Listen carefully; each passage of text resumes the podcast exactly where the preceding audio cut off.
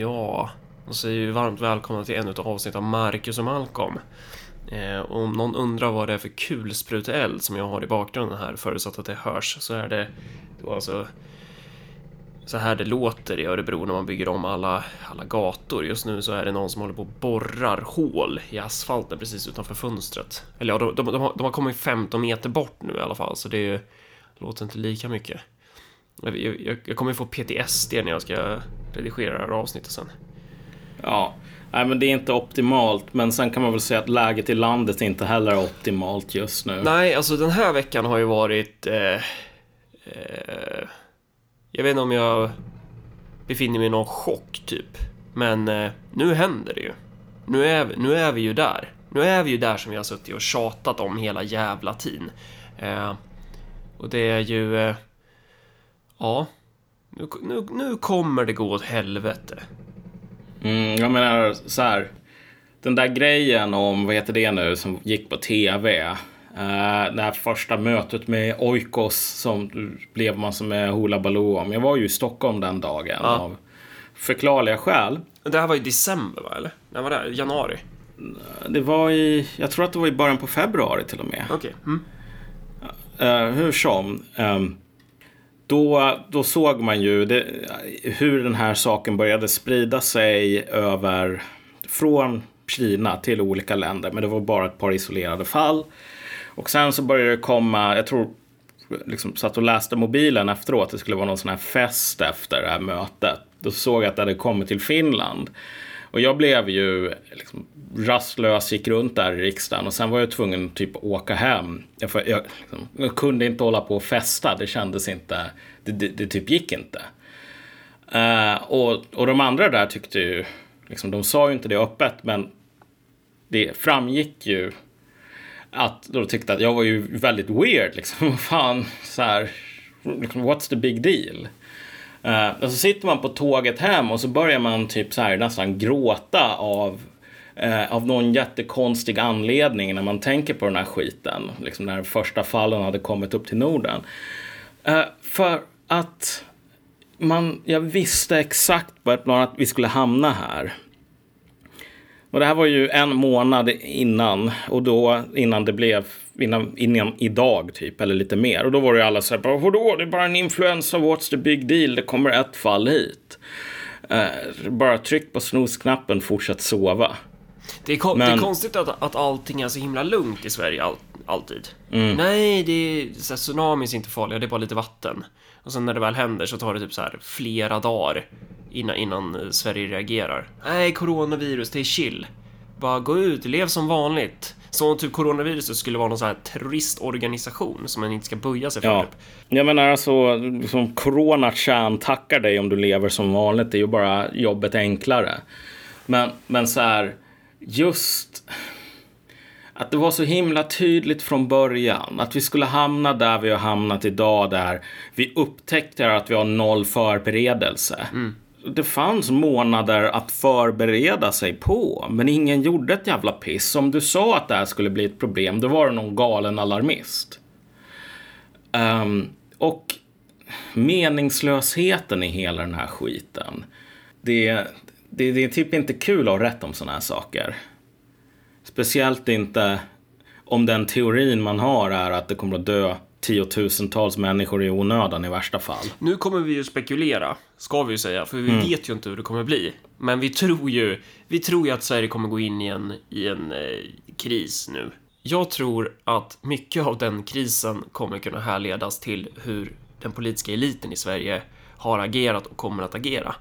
Eh, För det är en sak att få en jävla pandemi, det, det vill ju ingen ha i knät och det är inte lätt hur man än gör. Men, alltså det, det man har fått se nu under den gångna veckan och det man får se inifrån det här systemet, eller man ska säga, i egenskap av någon form av politiker, eh, det är ju en ideologi som blir extra farlig i sådana här kristider. Eh, och det handlar ju bland annat om det här med att nej, men vi har ingen beredskapslager, vi, vi har inget... Och, och, och de här maskerna som vi har då, som, de här försvarets masker, ja men de skulle man ju typ kunna använda. Distribuera till sjukvården i syfte att, ja men i syfte att göra det som försvaret är till för, att skydda sitt folk. Eh, Men då, då finns det inte en CE-märkning på det. Det är liksom någon så här uh, upphandlingsdravel, typ. Mm. Som gör att ja, men då kan man inte distribuera de maskerna.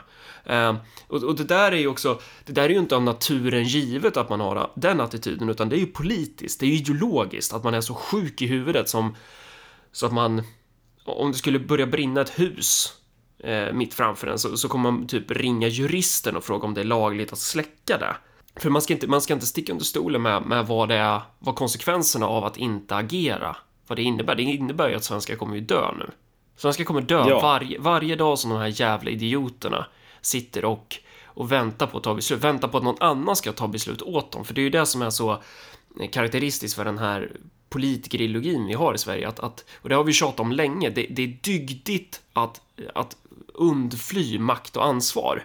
Det, det, det, det, är farligt att ta initiativ. Det, den som tar initiativ är ful och smutsig och den, den, man behöver liksom mobba in den där personen i ledet igen. Att sticka ut huvudet, det är livsfarligt. Man, man, ska, man ska stå där som en skock jävla får och bara titta och vänta på att mm. någon annan ska agera. Ehm, och det, det är ju kanske bra om man, om man är typ, jag vet inte vad, eh, turister och ska guidas ut ur en gruva som håller på att gå sönder, då kanske man ska lyssna på typ experten och bara säga, ja men det är den här vägen vi ska ta. Men om man leder ett jävla land, eh, då är inte den där attityden så bra att ha. Nej, alltså det finns, det finns ett par saker som man måste ha i åtanke när man talar om den potentiella dödligheten hos en sån här pandemi är det någonting som är centrerat kring virusets egna egenskaper. Och i det här fallet så finns det vissa skäl att vara relativt oroad. Därför att um, Italien skattas som det landet i Europa med bäst eller näst bäst sjukvård. Ja, norra Italien dessutom. Lombardiet. Ja, överslaget ah, på Italien okay. så är det i toppligan. Oh, Men det är väldigt stora skillnader än idag mellan norr och söder. Ah. Du behöver gå tillbaks till Europa Universalis 4 för den tiden som södern inte var skitfattig typ. Um, så liksom, de senaste 400 åren har norr varit mycket rikare än södern. Och det är i norr som det här utbrottet har börjat tecknen ifrån Italien här är inte goda överhuvudtaget.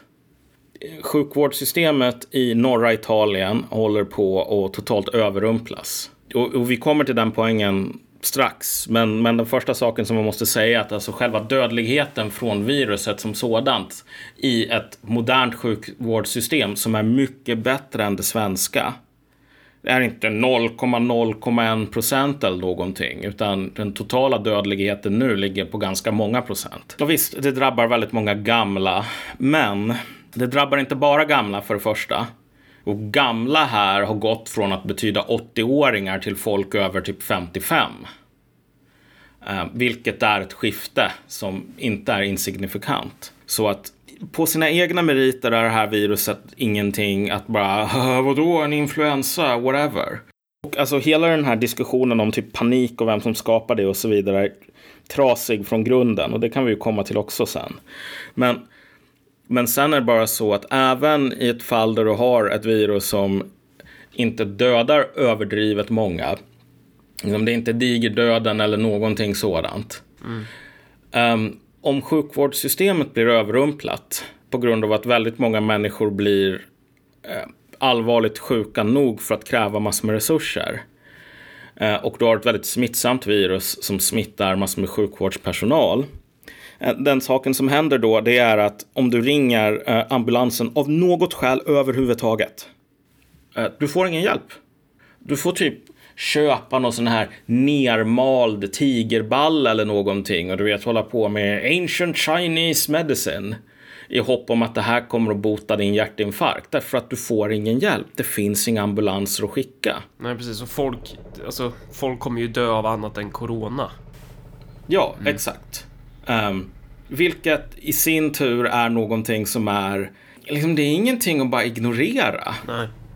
Om det vore så att man inte behövde ett sjukvårdssystem för någon anledning alls, för att det är bara slöseri med pengar, då skulle vi ju inte ha ett. Så att det inte finns en sjukvård som fungerar under en lång period, det är i sig någonting som kommer ha ihjäl massor med människor. Um, och återigen, eh, norra Italiens sjukvård i termer av platser på intensivvårdsavdelningar och liknande vida överstiger det svenska. Men om det bara vore så att Sverige har ett problem för att vi inte har nog med intensivvårdsavdelningar, då skulle, då skulle det vara riktigt goda nyheter. Problemet i Sverige sitter mycket djupare än så. Ja, alltså, vi, vi har ju varit överbelastade i sjukvården även under normalitet, eller vad, vad man ska kalla det, Ja. även un- när, när vi inte har en pandemi för dörren. Eh, och det, det, frågan är ju hur man skulle kunna vara rustad för en pandemi. Är det omöjligt att vara rustad för en pandemi? Nej, det går ju att vara rustad, eller bättre rustad i alla fall. Det går ju att se till så att vi har den här skyddsutrustningen. Det är ju sånt man skulle kunna ha tänkt på. Det är ju definitivt som man skulle kunna ha tänkt på när man har haft en startsträcka nu på typ två och en halv månad eller mer. Eh, Men då har vi haft då eh, för frågan är vad, vad vi ska hoppa in här, men, men så här, jag fick ju en dragning i kommunstyrelsen i tisdags. Eh, och då var det ju eh, en av kommunens tjänstemän som ja, jobbar med säkerhet. Och först hade vi en allmän dragning av kommunens krisberedskap och det är ju så här, jag vet inte hur mycket jag kan säga här, men det är ju det är, vi, vi är så jävla fucked i det här landet. Vi är så jäkla sårbara. Då har man, ju, man har ju några så här krisgrupper typ som man, man har satt ihop då. Som, man- för, för man måste ha det enligt något direktiv från någon myndighet.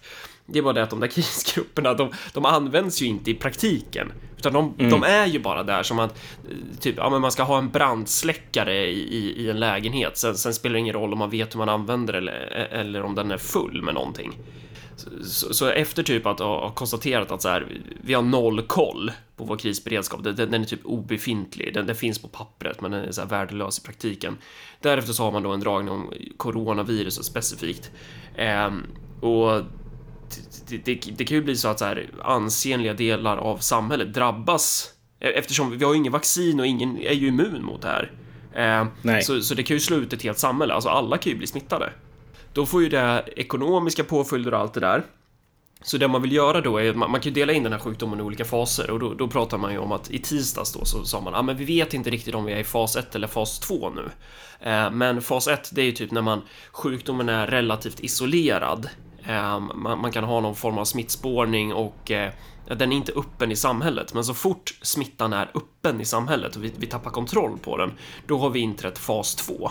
Och det man vill göra det är att försöka förlänga fas 1 så långt man kan. Och det är därför man vill vidta de här karantänåtgärderna, hela tiden se till att, att stänga för att det är ju Får du väldigt mycket personer i sjukvården samtidigt, då överbelastar du sjukvården. Så du vill ju hela tiden hålla det, vad ska man säga, eh, jämnt och fint, unge- ungefär som mitigation i World of Warcraft. Att du jämnar ut skalan hela tiden så du inte så här spikar. Ehm, men, men det har man ju inte gjort i Sverige. Det är ju det man gör i andra europeiska länder nu. Man stänger skolor och sånt där. Argumentet emot att stänga skolor å andra sidan, det är ju att så fort du börjar stänga ner skolor och sånt där, men då stänger du ner väsentliga delar av samhället och då, då kommer du stänga ner din samhällsekonomi. Och då kommer ju också göra då att, att fas 2 blir ju på något sätt längre, eller den här karantänfasen blir ju längre och mer outhärdlig ifall folk inte är förberedda på den. Eh, Jag tycker att man borde ha gått, hårt, gått, gått på mycket hårdare. Jag tycker att så här, man borde ha eh, ja, men stängt ner eh, mycket fler områden tidigare.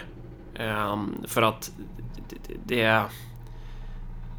det, det kommer inte bli bra nu. Men, men, men då, under det här mötet i alla fall, så, så är det ju, jag ska inte nämna några namn, men det är ju personer som ger uttryck för så här, så, så symptomatiskt för den här ideologin att Dels så har vi det här, nej men det spelar ingen roll vad vi gör, för folk lyssnar inte. Man kan sätta upp en skylt utanför en vårdcentral om att man ska tvätta händerna, eller om man har ont i halsen ska man inte gå in där, men folk går in där i alla fall, så det spelar ingen roll vad vi gör. Sagt av socialdemokrater i styrande ställning. Att man bara rycker på axlarna, mm. skitsamma, vi är fucked i alla fall. Den här liksom, vad är det vi kallar det, ironisk distans. Sen från andra hållet då så har vi moderater som efter att man har konstaterat att eftersom Kina står still så står hela världsproduktionen still och världsekonomin kommer krascha. Då säger de här moderaterna bara Ja, men jag har tilltro till marknaden. Alltså det, det, går, det går inte att liksom hitta på den här skiten. Det går inte, det går inte att bli mer stereotypiskt än så. Då sitter de där och bara "Ja, jag har tilltro till marknaden. Eh, Vänsterpartiet kommer med ett förslag som för en gång skulle bra. Och, och säger då att ja, men kanske borde vi inte slopa typ så här karensdagen i kommunen, skulle inte det kunna ge effekt? Och det är ju så här skitbra förslag enligt mig. Ehm, då blir svaret, ah, vi måste kolla med våra jurister först om det är möjligt. Eh, och, och liknande resonemang har du då gällande de här skyddsmaskerna som försvaret har då, för det är väl försvaret som har dem va? De här Ja. skyddsma- Är det skyddsmask 90? Precis. Skyddsmask Varför 90. heter allting någonting med 90 i försvaret? Ja, du, det kan man fråga sig. Ja. Jag vet inte. Men hur som helst, ja men bara, ja, men vi kan inte distribuera det för att det, det är typ, det är inte rätt kravmärkt eller något sånt där dravel. Ja, det, det, den där mentala spärren, det är politiskt att man är så sjuk i huvudet. Att man inte bara gör. Bara, men slopa karensdagen, bara, bara gör det. Bara gå före. Och samtidigt då, jag, jag frågade ju frågor om så här, men hur, hur långt får vi springa? Vad blir konsekvenserna? Och då frågar inte jag det i termer av så här, eh, som om tjänstemannen skulle säga då att det är olagligt för kommunen att stänga ner, att, att, att sätta alla kommunanställda i karantän. Om jag hade varit i styrande ställning så skulle jag säga fuck lagen. För det, det finns någonting viktigare här och det är typ att rädda liv och förlänga det här Eh, alltså eh, försvåra spridningen. Men, men eh, svaret blir, nej men kommunen kan göra jävligt mycket. Det kommunen inte får göra enligt lag är typ att säga åt alla arbetsplatser att hålla stängt. För det, det ligger på statlig nivå. Men kommunen kan stänga ner, Örebro kommun, vi har 16 000 anställda. Det är 10% av kommunbefolkningen. Alltså om, om vi stänger ner våra enheter, då, då stänger vi ju kommunen i princip. Ja, precis. Jo, och då kommer de privata att stänga ner också. Exakt, då, precis, då går, vi som har ju ledarskap. Eh, men eh, då jävlar vad det börjar fnysas och skrattas och folk skruvar på sig och skakar på huvudet och bara ah, nu är han igång igen den där jävla idioten tycker man då. Jaha, så Marcus Allard vet bättre än Anders Tegnell. Marcus Allard och Örebropartiet, de vet minsann bättre än Folkhälsomyndigheten. Och jag sa väl det att, nej men, jag, litar inte på Anders Tegnell. För jag tycker han är en jävla sopa. Och det spelar ingen roll om det står expert skrivet i pannan på honom för att typ Stefan Löfven har varit där med något jävla läppstift och skrivit det. För att det är ju det man också måste prata om, de här experterna och det här expertstyret som vi har. Det här är ju inte bara experter som så- vars expertis består av att de är sjukt kunniga på sitt område, för det är de fan inte och det har vi ju alla fått se den här jävla sopan Tegnell. Det var han jag menade i det där förra avsnittet by the way.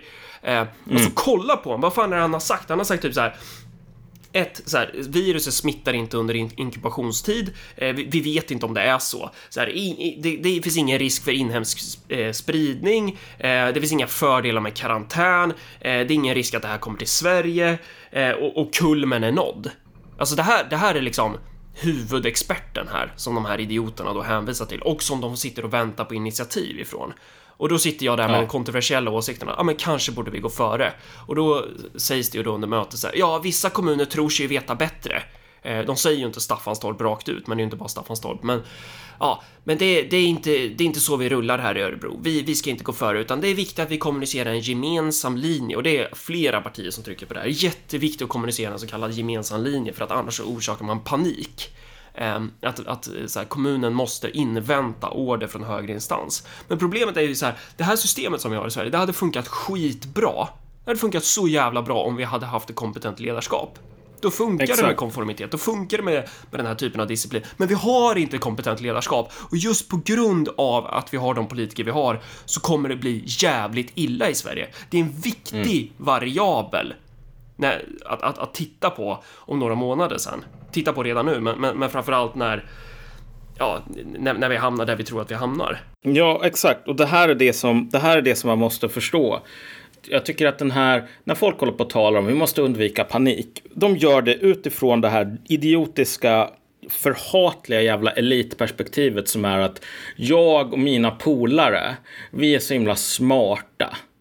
Vänstern använder ju det hela tiden och alla de här liksom, liberalerna och liksom, journalisterna bara, ja men vet du vad, vi som är upplysta och som resonerar med facts and logic.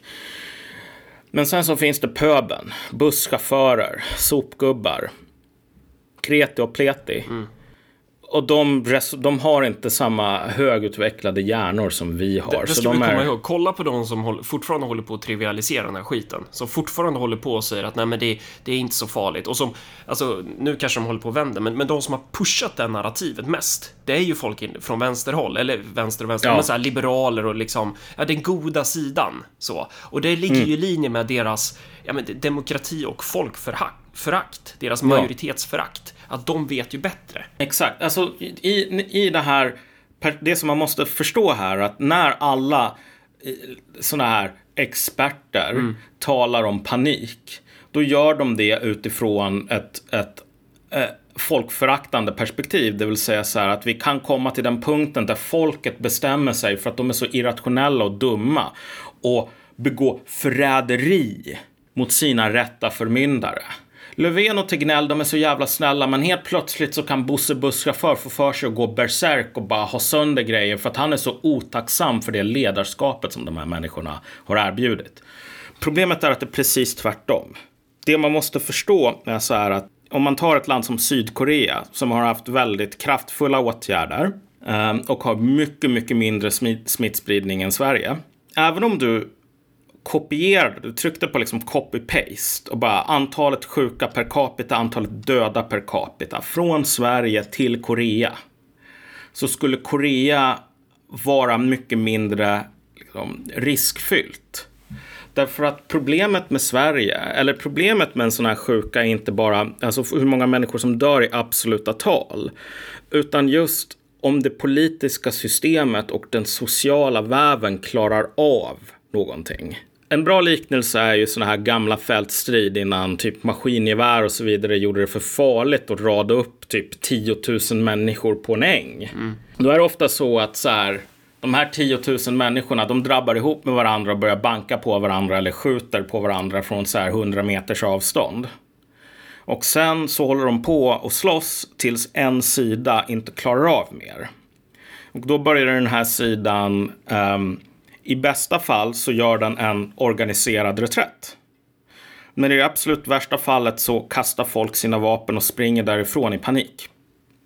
Och alltså många sådana här eh, gamla eh, fältslag kan ha sådana här helt sjuka eh, siffror för antalet döda och skadade. Liksom ett extremt fall som jag läste om så var det så här en 30 pers på ena sidan ungefär. Och sen var det tusen pers på andra. Och en person dör på den här sidan som det är 30 pers medan så här 120 eller någonting dör på den sidan med tusen personer. Därför att de här tusen personerna har fått panik. De trodde att det var många fler eh, på motståndarsidan än vad det egentligen var. Det var bara fan 30 pers. Så de kastar vapen och springer därifrån och så blir de nerhuggna i ryggen sådär. Så att det är alltid jävligt farligt i en sån här komplex struktur. När um, moralen går sönder sådär. Samma sak om man spelar Total War Napoleon eller någonting. Om, det spelar ingen roll om de flesta av dina soldater fortfarande är vid liv om de har vänt ryggen mot fienden och blir nedskjutna sådär. Och någonting som är en viktig komponent i att bibehålla moral, eller upprätthålla mm. moral, det är ju att, att du har en officerare som, som du kan lita på. Men vi Exakt. vet ju att i Sverige så har vi inte den typen av meritokrati. Alltså vi har ju meritokrati, men meriterna som, är, som väger tyngst här, det är ju din lojalitet till vissa partier. Dan Eliasson är inte bäst på Försäkringskassan, Migrationsverket, Polismyndigheten eller nu då, där man så lämpligt har satt honom, Myndigheten för samhällsskydd och beredskap. Alltså, men, men han, han är ju överkucken. Han är ju mm. den som enligt den här formella titeln är just expert. Och det är han ju för att vi har ett adelssystem i Sverige. Det här politikerskiktet, den här jävla eliten. Anders Tegnell är fan inte mest kompetent. Det har, det har han visat svart på vitt. Och det kan man väl för fan... Alltså bara det, alltså bara när man ser människan. Kolla hur han klär sig. Kolla hur han pratar. Kolla vad fan han säger. Alltså, bara, han utstrålar ju inkompetens. Mm. Eh, men, alltså, men han, han är expert för att, för att han är ju tillsatt på, grund, på politisk grund och det är det som blir då problematiskt när de här politikerna då ska hänvisa till, till sina experter. Alltså vi hade ju experter i tsar Ryssland innan revolutionen också. Adelsmän som man satte i militären, inte på grund av att de var skitbra på att bedriva krig, utan för att de hade, de hade en adelsbakgrund och de kunde gå någon officersskola. Och sen så blev ja, de expert men... på pappret. Men, men, men problemet här är att det är inte ens alltså att vi har en adel som är problemet. Nej. Det är ännu värre än så. Jag menar, första världskriget var inte en jättebra nyhet för den engelska adeln. Det skedde en extremt stor liksom, culling av adelsmän. Därför att, du vet, Adeln föder massor med söner och de flesta av dem är medelmåttor. Därför att det finns inget speciellt med att vara adlig. Men de här medelmåttorna de, de växte upp i en tid där bara, ja men vet du vad, jag är adlig, vilket betyder att jag börjar som löjtnant. Och eftersom jag börjar som löjtnant, då måste jag vara den som leder mitt kompani in i maskingevärselden. Jag måste ju vara först. För att det är ju det vi adelsmän är till för. Vi ska leda bönderna så att de inte går fel. Och vi ska vara de som är mest modiga eftersom vi är adelsmän. Så typ en halv jävla generation unga adelsmän blev nedmejade av tyska maskingevär.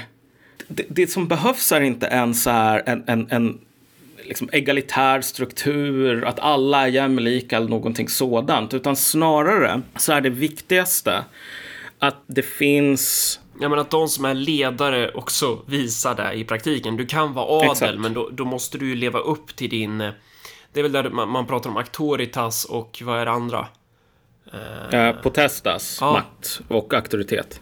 Och, och, det, och det här hakar in i någonting som vi talade om i ett avsnitt för två år sedan eller vad det nu var. Det här med posttraumatisk stress. Mm. Problemen som USAs militär har med det. Ingen konflikt som USA är med i nu, eller har varit med i de senaste 20 åren, har varit nära på lika våldsam som typ Stilla havet eller Vietnam. Men ändå har de ökande problem med posttraumatisk stress? Jo, för att soldater idag kommer inte tillbaks i något sånt här sammanhang som ger dem mening. Mm. Medan om du höll på och slogs i, eh, i, i alla fall under andra världskriget. Mm. Du såg de mest horribla grejerna. Men du kom tillbaks till ett samhälle som accepterade dig och som var beredd att hjälpa dig att bearbeta de här sakerna. Ja. Vietnam var ju den tiden som bearbetningen så att säga misslyckades. Så det var därför som man bytte över till en sån här professionell armé. Därför att då kan man bara skita i de här människorna sen. Man behöver inte ha en buy-in från samhället.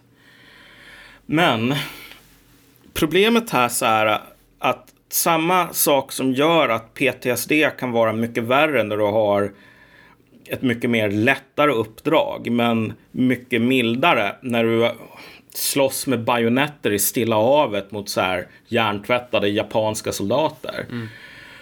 Samma sak gäller i det svenska samhället och alla tecknen pekar åt fel håll. Människor måste ha ett sammanhang som de kan Eh, foga in sina eh, erfarenheter i. Men när du har en elit som håller på med fanflykt, som flyr ifrån sitt ansvar, då blir det så att de här fotsoldaterna blir lämnade ensamma. Och det är så här krigslarm och kanoner och exploder, explosioner och allting runt dem. De, de, vet inte ens varför de står där. Nej, och de främsta fotsoldaterna här, det är ju då vårdpersonalen kan man väl översätta ja. det till. Och det är så, men varför ska, de, varför ska de springa runt utan skyddsutrustning? För det fick vi också en dragning om. Ja, men vi har inte en enda jävla skyddsmask i hela Örebro län. Nu, sa, nu har man ju inte sagt det svart på vitt, men jag vet inte, har vi skickat våra grejer till Italien på grund av EU, eller vad vad är grejen? Varför har vi inte såna här jävla masker? Vi har inga lager. Nej. Vi har avvecklat allt Samtidigt som vi då har någon form av masker som, som vi typ... Som, jag vet inte hur jävla bra de maskerna är, de som försvaret har, men det är väl bättre än inget i alla fall. Mm. Har du koll på det, hur, hur de funkar liksom? Försvaret har väl gasmasker och normalt sett så brukar man ju inte använda gasmasker um, Alltså det finns ju olika nivåer av ja. sånt här skydd. Och problemet med gasmasker om man har på sig det konstant är ju att man blir jävligt yr. Och sådana där saker. Så det är inte optimalt att bara ha det, men det är bättre än ingenting. Precis, det är mer än noll. Eh, ja. Men de, de är inte CE-märkta, så då kan vi inte göra så. Eh, Nej, exakt. Så, så att den här... Det, det, sjukhuspersonal kommer ju drabbas stenhårt av det här. Det är ju det man har märkt i Italien också. Ja. Eh, och då kan man ju antingen bli som i Tjernobyl, som vi pratade om ganska nyligen, när de här Ja, men alla vet ju att, att systemet är genomruttet, det är korrupt, eh, men man går ändå in där med vetskapen om att man kommer, man kommer bli drabbad av den här strålningen. Och man gör mm. det, man gör det för fosterlandet liksom. Det här korrupta jävla eländiga Sovjetunionen. Men varför ska de här, alltså de här sjukhuspersonalen i Sverige, vem, vem är det de drar sitt, vem, vem kommer de dö för? För någon jävla, ja. alltså anonym åsna. Alltså, vem har ens makten? Ja, exakt. Det här är det som är det stora problemet med Tegnell, det stora problemet med Sverige och ja. det som fan ingen tar på allvar. Att redan nu, när vi är inne på typ egentligen kanske så här dag tre eller någonting av utbrottet på riktigt. Där det liksom går från, ja ah, men okej, okay, ja fascinerande, nu har vi 13 fall istället för 9 fall. Oj, oj, oj. Nu, nu börjar det bli i en annan fas här där det faktiskt är en epidemi. Vi har inte kommit in ens på början av början av slutet på början på den här epidemifasen. Och redan nu ser du sådana här riktigt allvarliga tecken att, att de här frontförbanden, liksom moralen här i Total War är på wavering. Därför att det som sker är att det är inte bara att vi inte har skyddsmasker, så där, men det är typ överkurs. Det är 2020 kamrater. Hur ska man kunna ha något så ineffektivt ekonomiskt som att ha skyddsmasker i reserv? Och, men kom ihåg att Nya Karolinska väl, är inte det världens dyraste sjukhus? Jo, ja. jo men precis. Jag... Men det där är en helt annan grej. Nu, ja. är, du bara, nu är du bara så här dumt kommunistisk Och, och alla, alla så här konstverk, enprocentsregeln som applicerats i varenda jävla offentlig förvaltning, varenda avdelning av, av, av hela statsapparaten har vi köpt in eh, här, konst för en procent av det investerade beloppet. Så vi har, vi har, vi har konst upp i, ja, det måste ju vara miljardklassen sammanlagt. Så att man mm. kan ligga där och rossla och drunkna liksom i, i blod från lungorna samtidigt som man tittar på, eh, jag vet inte, färgglad tejp där man har kletat mens på. Som, mm. som, ja men precis, ja. men du, det här är, vi är inte experter, vi är bara dumma kommunister ja. som tycker att alla ska dela på samma tandborste. Ja, så låt oss utgå ifrån att alla materiella resurser i Sverige har objektivt fördelat enligt experternas expertkunskap. Att vi bara, vi, vi bara sura. Okej, okay, så, så, så vi kan inte förvänta oss att folk ska ha förberedelse i termer av masker. Okej, okay, fine. Men nu visar det sig så här, mitt i en pågående epidemi, att det finns inte ens rutiner för hur man ska behandla folk. Alltså sådana här väldigt grundläggande saker som okej, okay, om någon får hjärtstillestånd som har symptom på corona. Ska man behandla det här som ett vanligt hjärtstillestånd, och du vet, då drar man fan inte på sig gasmasken. Eller ska man dra på sig gasmasken för att det här är hjärtstillestånd plus corona? Om du jobbar på golvet i vården och frågar en sån väldigt grundläggande fråga som har att göra med din egen säkerhet, då kommer du att få ett svar som är jag vet inte. Mm. Och, det, och det jag där... vet inte, det är ett värre svar än du ska dö för Sovjetunionen. Alltså, exakt, jag vet exakt. inte, det är den värsta typen av svar du kan få. Fan vad jag hatar folk som säger jag vet inte. Speciellt folk i ledande ställning. De säger inte bara jag vet inte, utan din chef kommer att säga, ja vet du vad, men det här är regeringens fel. Ja, och regeringen kommer att säga, det här är regionernas fel. Det här har vi ju varit tydliga ja. med hela tiden, att, att regionerna måste ha en samverkan. De måste ha en samverkan med den här myndigheten. Så de kommer passa bollen till varandra hela tiden. Det här kommer bara intensifieras. Ja, och, och, och tänk bara den här, den här experten Tegnell. Ja. Som för övrigt, när den här skiten är över, tror jag kom, Tegnell kommer att bli... Det namnet kommer att klinga ungefär som Quisling. Det kommer att vara Sveriges eget så här Quisling-namn. Till hans försvar så, så, är ju det, alltså det är det som är lite synd, för det namnet som ska klinga i våra öron. Det ska ju vara Löfven, det ska vara Magdalena exakt, Andersson, exakt. det ska vara Morgan Johansson, det ska vara regeringen. Men de ja. jävla asen gömmer sig ju bakom Tegnell. De har ju honom exakt. där. Han ska ju tanka den här skiten, för då kan de klippa honom. Men det är inte Tegnells som är ytterst ansvarig. Han är inte de, de högsta generalerna för nationen. Det är regeringen. Nej. Nej, exakt. Det stora problemet här med Tegnell är inte att, ja men, du vet så här, i min, i min uh, um, doktorsavhandling så skrev jag det här som motbevisar det som Tegnell sa på det här sättet. Vet, jag är blott en vanlig bonde som inte förstår sådana här komplexa saker.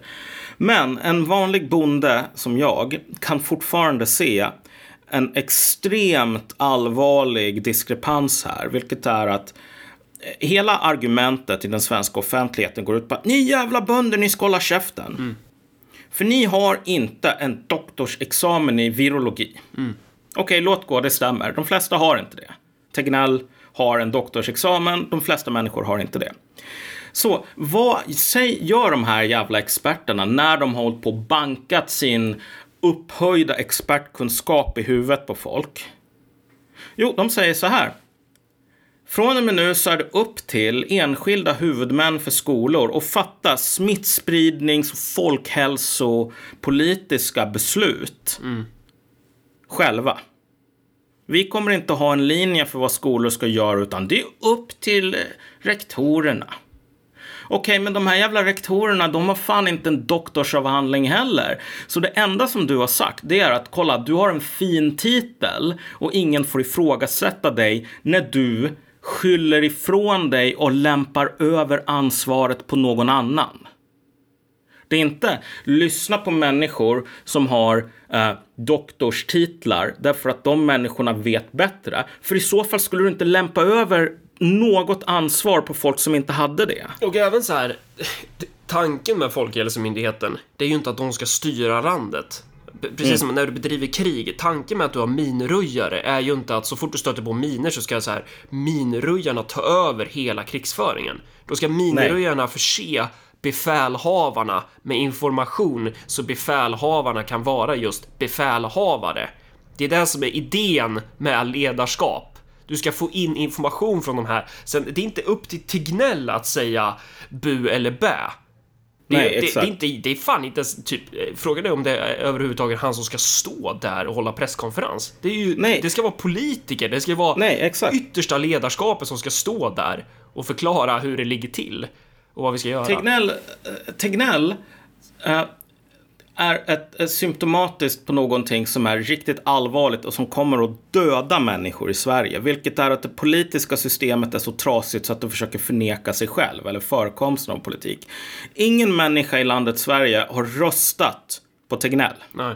Utan de har röstat på människorna som är hans chefer. Människor som Tegnells relation till är att han är en betjänt åt dem. Så det faktum att den här betjänten sitter och uttalar sig om så här, vet du vad, vi ska ha så lite stängt som möjligt för vi måste göra avväganden om ekonomin. Mm.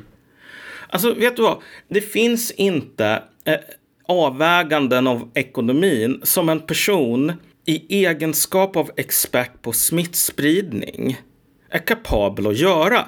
Hur mycket kostar ett människoliv? Hur många miljoner kronor värdesätter vi ett sådant liv till? Um, om du är ärlig med din vetenskapliga expertis så kommer du att säga att det där är inte mitt bord. Jag kan säga hur många människor kom, som kommer att smittas. Och på sin höjd, om jag har flyt, så kan jag säga hur mycket det kommer att kosta att förhindra ett fall av smittspridning. Jag kan inte som expert eller vetenskapsman säga om det är värt att betala det priset. Och det är inte hans jobb. Exakt. Ex strategin ligger ju alltså inte där. Mm. Nej. Och, precis. Och, och det här är ju det stora problemet att så här. Uh, i ett läge, alltså vi, Tegnell håller på att skämmer ut sig och håller på att bli en svensk kvisling som kommer att symbolisera hela det här dekadenta systemet. Där du har människor som säger, vet du vad, jag har använt min expertkristallkula och säger så här att Eh, det kommer aldrig att bli smittspridning i Sverige. Hoppsan, nu blev det det. Okej, okay, men du vet, toppen är nådd imorgon. Hoppsan, jag var lite för optimistisk. Toppen är nådd i övermorgon. Hoppsan, jag var lite för optimistisk. Nej, på fredag. Hoppsan. Nu är smittspridningen okontrollerad, men vi ska inte stänga skolor för att det är dåligt. Hoppsan, nu behöver vi göra det. Alltså, inte nog med att vad är poängen med en sådan expert som har fel om sitt expertområde? Eh, men utöver det så är det stora grejen att han håller på att uttala sig om saker som han inte ska uttala sig om därför att det hör på politikens bord. Han är en pionjär, en, en ingenjörstrupp här. Medan generalerna gömmer sig. Det finns mycket värre exempel på det här, vilket är när, som, som är indikativt på hur trasigt systemet är just nu. Att så här, regeringen kommer ut och säger saker som, ja men vi, vi, har, vi får inte enligt lag um, begränsa människors sammankomster. Alltså smittskydds eller Folkhälsomyndigheten måste ansöka om begränsning så kan vi säga godkänna den. Mm. Det här stämmer inte. Och, och, och, även om det stämde, vilket det inte gör, de här människorna håller på och ljuger om sina egna befogenheter för att de inte vill ta ansvar. Men även om det stämde så är det så att i ett krisläge, vad du kan göra, det är att du kan mer eller mindre skriva en lag på en förmiddag. Och sen kan du säga, nu jävlar SD och MP och så vidare, nu dyker ni upp i riksdagen eller så kommer vi att göra livet surt för er och så kommer eh, den svenska befolkningen att kasta molotovs genom era fönster. Och nu kommer vi att skita i remissrundan och vi skiter i vad lagrådet tycker och vi skiter i vad advokatsamfundet tycker och vi skiter i vad typ Sydsvenskan tycker. Nu är det här temporär nödlag, gäller i tre månader. Och här är grejen. Ann Ramberg och Advokatsamfundet, det är upp till dem att ta sina älgstudsar och göra väpnad revolution. Och gör de inte det, då är det lagt kort som ligger. Så befogenheterna här för de som vill göra saker är väldigt stora. Mm. Men det är systematisk mytomani angående vad man kan göra och vad man får göra. I praktiken får man göra precis vad som helst som man kommer undan med. Därför att, och varför skulle politiker, för det måste man också ställa sig frågan, så, men var, varför skulle man vilja ljuga om att man inte kan göra någonting? Va, va, Därför att man inte pallar. Exakt. Är man lämplig att styra landet då? Nej. Är, Nej, man, man ska inte vara där. Det är ju det som är grejen. He, hela svenska eliten, det är ju så dekadent och korrupt och bara... Jo, exakt. Det är inte nog med att massor med människor riskerar att dö på grund av att de har misslyckats på det rent materiella planet. Och det här har ju väldigt långa, så att säga, i princip så är det så att man alltid hållit på och fuskat, i alla fall de senaste typ 30 åren eller någonting. Um, för att kunna få siffrorna att gå ihop och för att kunna låtsas som att allt är okej okay i landet, lätt och lagom. Invandringen är bara det mest chockerande exemplet på det här där man håller på och skyfflar över kostnader och döljer dem i statistiken. Eller skyfflar över dem på kommunen. Samma attityd där också, rycka på axlarna ja. och sen bara när saker bara visar sig inte vara riktigt som man lovade och som man verkligen lovade i en gemensam linje. Alla stod där i masspsykos och lovade att det skulle bli så bra. Och så upptäcker man, oj då, då, då kommer det. Oj, mm. vi har väl, som, precis som Tegnell, jag var lite för optimistisk. Vi har varit lite för naiva. Ja, Och då kommer exakt. undan med det. Tror de. Jo, men precis. Men, men det är det som är problemet. Att mm. alltså, de har kunnat hålla på och och mer eller mindre alltså montera ner. Vi har bara liksom en fasad kvar och hela huset bakom det är bara, det är bara sålt för skrotvärdet. Mm. Men de har kunnat göra det därför att det inte kommit någon kris. Så nu när den kommer så är folk extremt oförberedda. Men bara det att folk inte har tak över huvudet för att huset är sålt är liksom den minst allvarliga och den minst farliga saken här. Därför att återigen, nu kommer man skicka ut de här jävla fotsoldaterna och dö. Um, bli sjuka i vården och så vidare. Och man kommer inte ens, man kommer inte ens att förklara varför det är nödvändigt. Uh, och i slutändan så här, det, det, är liksom på så absurda nivåer de här, den här korrupta, dekadenta liksom folkförrädarhopen av politiker. Hur skamlösa de är. Jag tänker på um, en i familjen ringde och klagade på just, liksom, för hon såg ju hur, hur absurt det här hade blivit. Du vet den här um, broschyren om krisen eller kriget kommer? MSBs. Ja, ja, där står det så här att var, varje enskild medborgare har rätt, eller skyldighet snarare, att ha en, en, en grundplåt av förberedelser. Uh, man ska ha mat för en vecka till exempel. Och om man inte har det, då har man fan inte gjort sin plikt inför nation och fosterland och bla bla bla. Och visst, det där, eh, eh, det där känns ju lite olustigt när man vet att de här människorna inte bryr sig om vare sig plikt eller nation eller fosterland. Men fine, okej, okay, låt gå. Man ska ha skyldighet till det här. Det var ju en presskonferens ganska nyligen för typ en tre, fyra dagar sedan när vi spelar in nu. Då man fick den här frågan. Ska eh, svenska medborgare nu typ hamstra mat så att de har är förberedda. Ja. De här människorna vägrade att svara. Mm. De vill inte svara ja. Därför att om de svarar ja, då kommer folk gå till affären och så kommer de att hamstra mat. Och sen om det tar slut på toapapper, då kan folk bli lite sura på sossarna för att det är slut på toapapper. Och herregud vad hemskt det skulle vara i en epidemi om någon blev lite sur på sossarna. Mm. Det är därför det gäller att ha Tegnell där. Ja, och de kan ju inte säga nej heller. För om det visar sig att det här är på allvar och det inte finns någon jävla statlig hjälp att tillgå om man inte har mat och så vidare.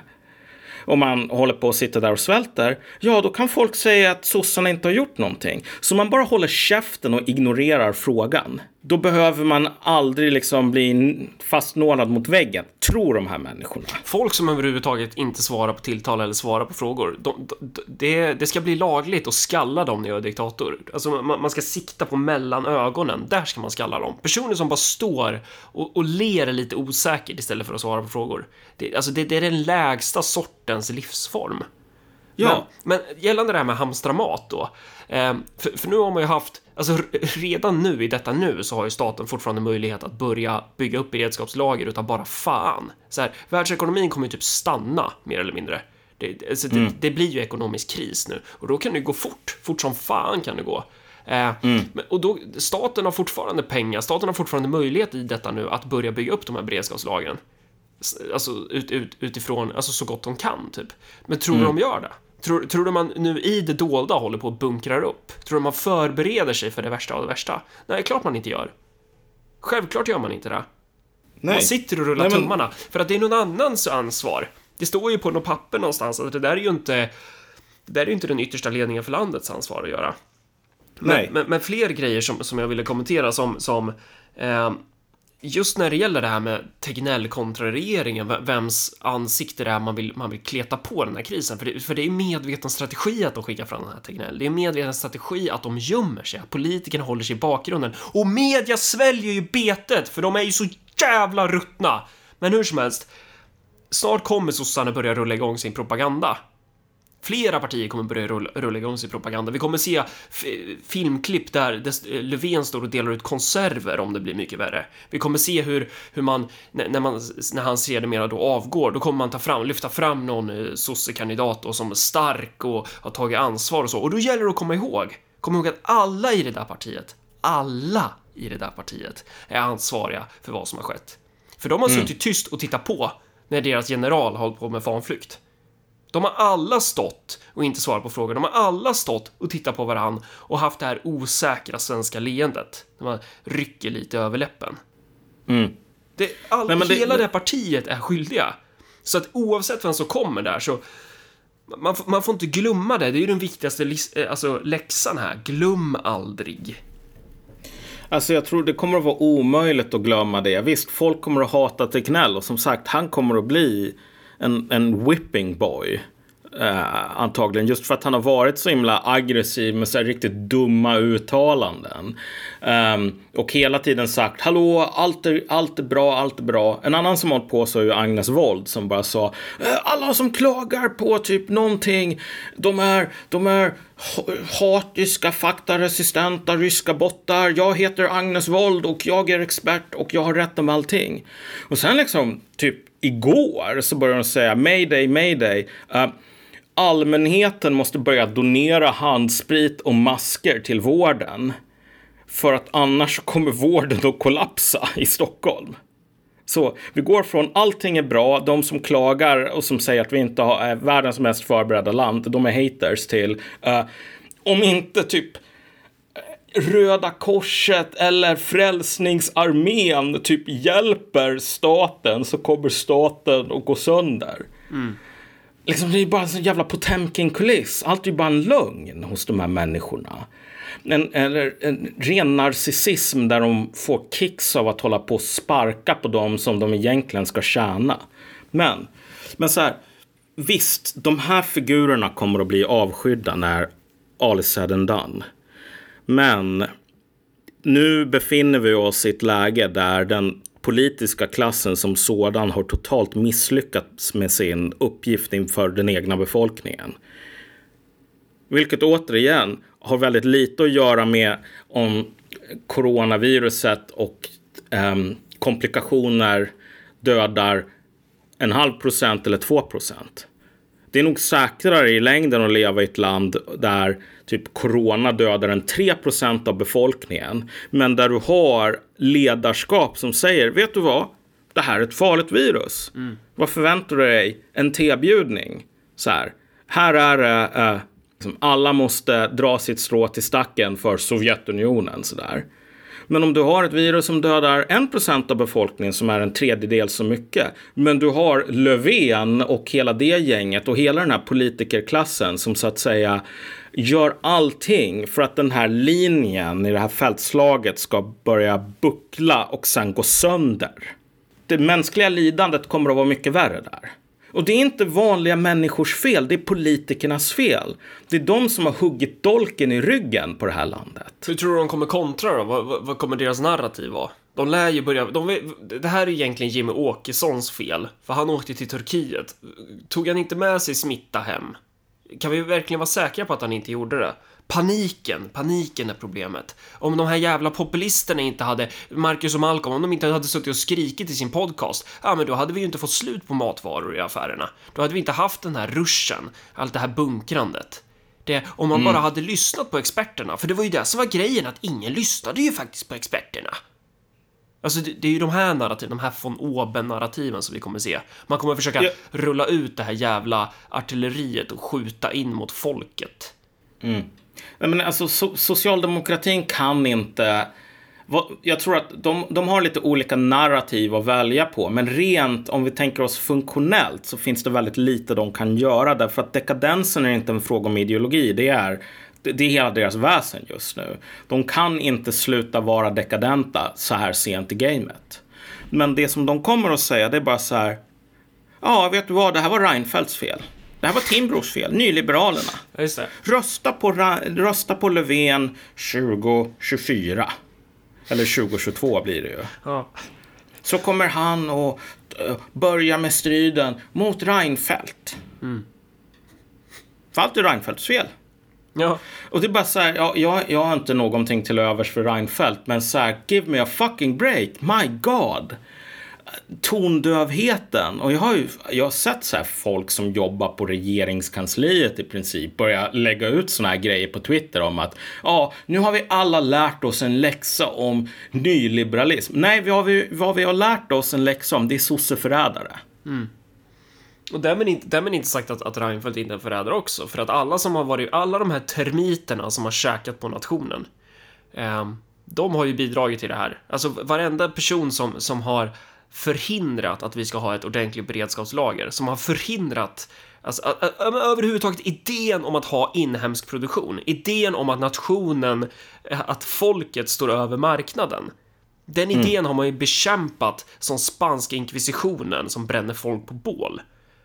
Och nu, det här är ju resultatet. Nu får vi se hur jävla sårbart det här systemet av Guds nåde är. Och jag, jag, jag, förespråkar liksom inte att vi ska ha en femårsplan, att, att så här, jag ska byta namn till Josef Stalin och regera med järnhand. Det är inte vad jag säger. Jag säger bara att det hade kanske varit bra om vi hade haft lite lager här, för det hade vi en gång i tiden. Det hade kanske varit bra om vi hade haft en strategi för hur, hur vi skulle kunna sett till våra egna. Ja, exakt. Att, jag ja. menar, det finns, det finns mycket värre sjukdomar än den här. Men som sagt, ett samhälle, alltså samhället, det svenska samhället är trasigt. Och nu har de, de, de strukturella felen här bara brutit ut på ett sätt i, i en kris som gör att det finns nog ingen återvändo. Det, det du får av det här det är en allvarlig legitimitetskris. Därför att varför har man eliter som inte... Äh, varför har man politiska eliter till och med som inte vill vara politiska eliter? Men, men, men här, som här inte är... vill vara jag är den som bestämmer. Men här måste vi göra en marxistisk uppdelning. Det finns en dialektik i eliten som fenomen. Precis som när man kollar på David Harvey när han delar upp en vara. Att en vara mm. har ju, och så kan du dra två streck därifrån. Varan har ju dels ett bytesvärde, men också ett bruksvärde. Mm. Att det är, eller, eller svamlar jag nu? Visst är det så? Att han gör väl så? Vara och sen så bruksvärde. Ja, ja. Um, elit har ju, har ju också ett streck som är att vara elit för att liksom eftersträva ansvar och makt och, och arbete, plikt. Men det andra strecket, det är ju privilegier. Det är ju mm. eh, att kunna flyta ovanpå, det är en hög lön, det är gräddtårta är det fan. Mm. Och det är, ja men allt det här. Eh, och de är ju, även där, de är ju beroende av varandra. Men, Ja. men, men de, de eliter vi har, de, det ska ju vara eliter som på något sätt vill frikoppla sig från pliktaspekten av makten. Och det har vi tjatat om flera gånger, men, men det här, man ser det ju så svart på vitt här. Det är återigen, det är piloter som istället för att de är piloter för att köra planet så är de där för att de ska kunna supa taxfree med flygvärdinnorna längst bak. Så planen får krascha. För det är roligare att supa ner sig. Jo, exakt. Och, och, och, och saken är den, man kan vara en ganska dålig pilot om man gör en insats att försöka flyga. Och det är en helt annan problematik som är mycket mindre allvarlig än att du har människor som sitter som har liksom pilotmössa på sig men som säger det där är under min värdighet. en, en till grej till det här är ju som man också ser på kommunnivå. Och här menar inte jag bara hänga ut politiker i Örebro kommun, för jag vill inte få diskussioner till bara det, utan det, man måste se det, det här är ett fenomen i hela landet. Alltså om någonting händer i Örebro, då kan du nästan räkna ut med arslet att det, det ser ut ungefär likadant på många andra ställen, även om Örebro såklart går i täten när det gäller så här skuldsättning per invånare och typ islamister per invånare och sånt där. Men ehm, det, det, det är mekanik inom partierna som är att om du nu har en person som förstår allvaret, en person, låt det vara en kommunstyrelseordförande eller, eller vad det nu kan vara, ett kommunalråd, så, så, så, så är det ju ett väldigt starkt tryck på den personen att inordna sig i ledet. Alltså det råder ju en partipiska som är enorm mot de här personerna som sticker ut huvudet. Och den här mekaniken råder ju inte bara inom partiväsendet utan även då när man delegerar ansvaret ner i leden till en rektor eller, eller vad det nu kan vara. Att, att få fatta beslut om huruvida man ska stänga en skola. Det här finns ju samtidigt som du då har den här linjen om att du ska kommunicera en gemensam linje. Så att det, det, det kan ju bli ett socialt stigma. Det kan bli enorma konsekvenser ifall du fattar ett sånt beslut då. Eh, och och eh, de andra tycker att du, du, du springer före. Så det är därför ingen vill vara först med att springa före. Det är därför du har en... ehm, så, så att du har ju, även om de här personerna förstår vad det är som händer, så har de incitament att inte agera. För att det går inte att klättra i partiet då. Du måste lyda ledningen. Och det, det här blir ju, ju, ju mer inkompetent ledningen är, eh, desto, desto värre konsekvenser blir det ju på lokal nivå då, när personer måste lyda den här, eh, hur ska man säga, logiken. Jo, men precis. Och, och det är just det här att det här, är, det här det sitter i väggarna. Jag menar på kommunal nivå så vill man bara skylla ifrån sig.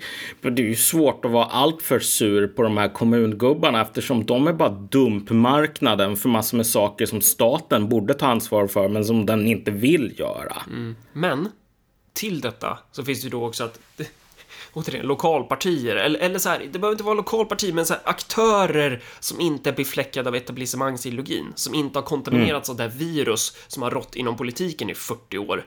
De kommer ju då kunna vara mer flexibla. Det har vi också tjatat om tidigare. Men det här, jag tror att vi kommer se det nu. Att, att, för att de har inte samma, det är inte samma stigma att föreslå någonting nytt och radikalt i ett, i ett nytt fräscht parti. För du är inte kontaminerad av, av sanningen med stort S, inom parentes. Nej, och du är inte en dekadent elit heller som bara är där för, att, för taxfree eller gräddtårtorna. Alltså vad folk vill ha, om de nu ska hålla på och slåss i fältet här mot den lederryssen här, eller ett virus, eller osynlig gammastrålning som i Tjernobyl. Det är inte överdrivet mycket.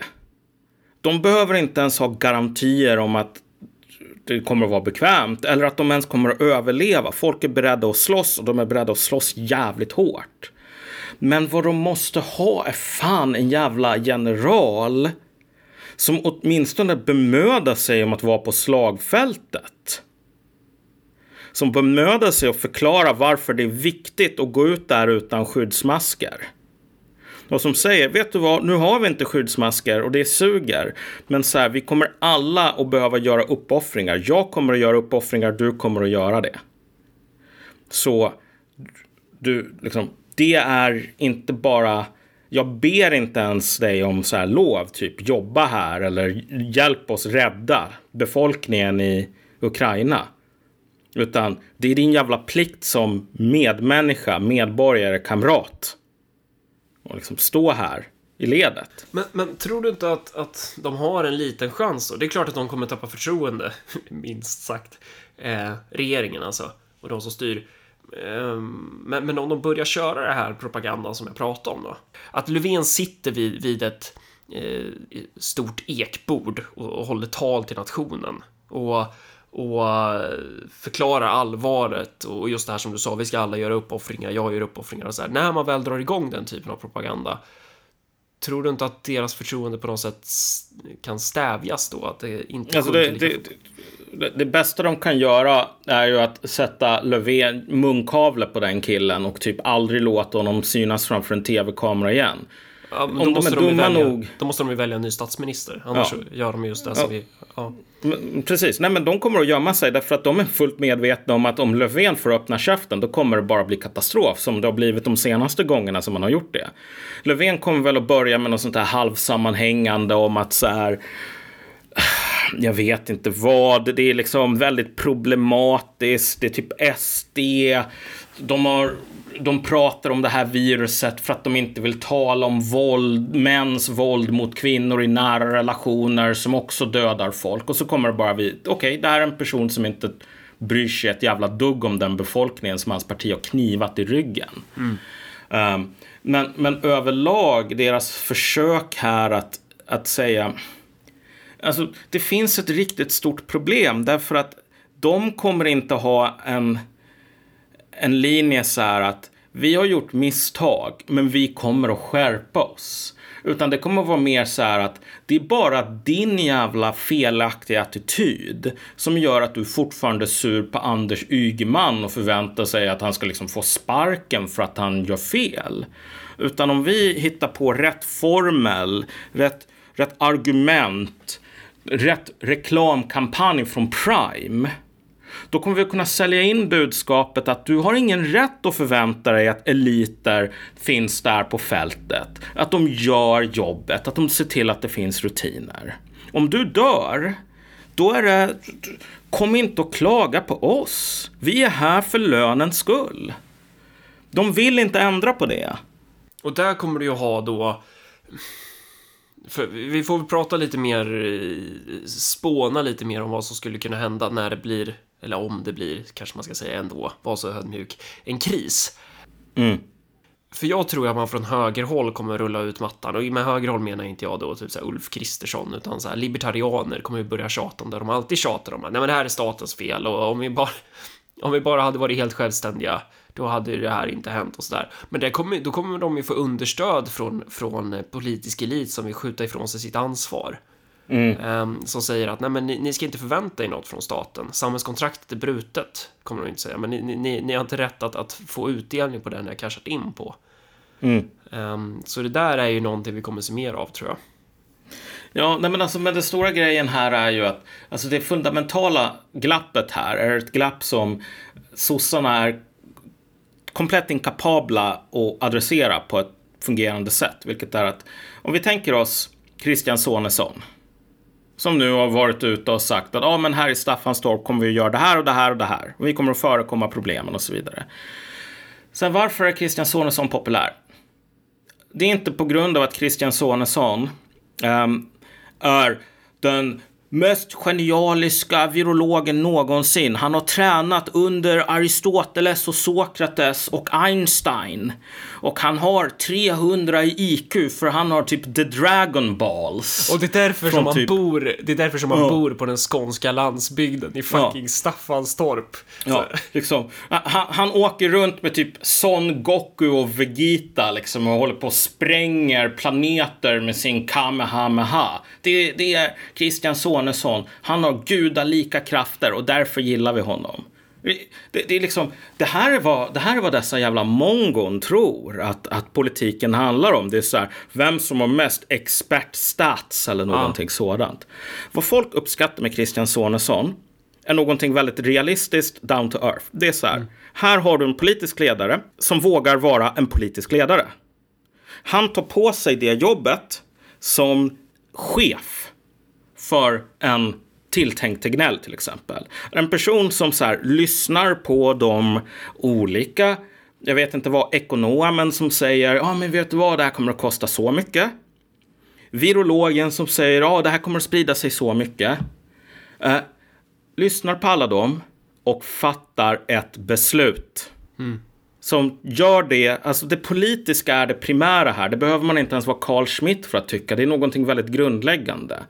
Vi låter inte så här generaler bestämma om landet ska gå ut i krig. För att vet du vad, rent militärtekniskt så tycker jag att det vore jävligt bra om vi atombombade Ryssland. Och fråga mig inte varför, för du är ingen expert på militärteknik. Nej, det där är ett politiskt beslut. Mm.